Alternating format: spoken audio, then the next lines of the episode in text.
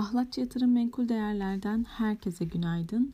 Haftanın ilk işlem gününde dolar TL tarafına baktığımızda 13.80 seviyelerinden işlemde olduğunu görüyoruz. Merkez Bankası müdahaleleri çoğunlukla bu seviyelerden gerçekleşmişti. Dolayısıyla bu bölgeler kritik önemini koruyor. Euro TL'de de benzer yatay fiyatlamaların olduğunu söyleyebiliriz. Kur şu an 15.65'lerde seyrediyor. Küresel piyasalara baktığımızda bu haftanın kritik verisi Amerika'dan gelecek. Çarşamba günü ABD enflasyon verisi açıklanacak.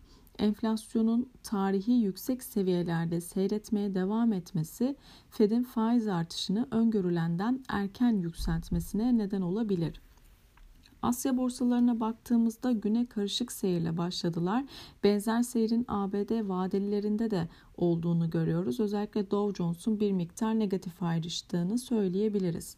Yurt içi piyasalara baktığımızda bugün işsizlik verileri açıklanacak. Borsa İstanbul Cuma günü son işlem saatlerinde 2000 seviyelerinin altına sarksa da bankalara gelen kuvvetli alımlarla beraber haftayı 2033 seviyesinden kapatmıştı. Bugün borsada yukarı hareketin devamı beklenebilir. Özellikle yukarıda 2050, 2071 ve 2150 önemli direnç bölgeleri, aşağıda ise 2007 ve 2000 seviyeleri ise destek bölgeleri e, olarak takip edilebilir. Ons altın tarafına baktığımızda geç, geçtiğimiz haftanın son işlem gününde 1780 dolar seviyelerine kadar bir geri çekilme yaşanmıştı. Tarım dışı istihdam verisi sonrasında dolar endeksinde yaşanan geri çekilme ile beraber tekrar yükselişe e, geçti üstsel 200 günlük hareketli ortalaması olan 1797 dolar seviyelerini de test ettiğini gördük.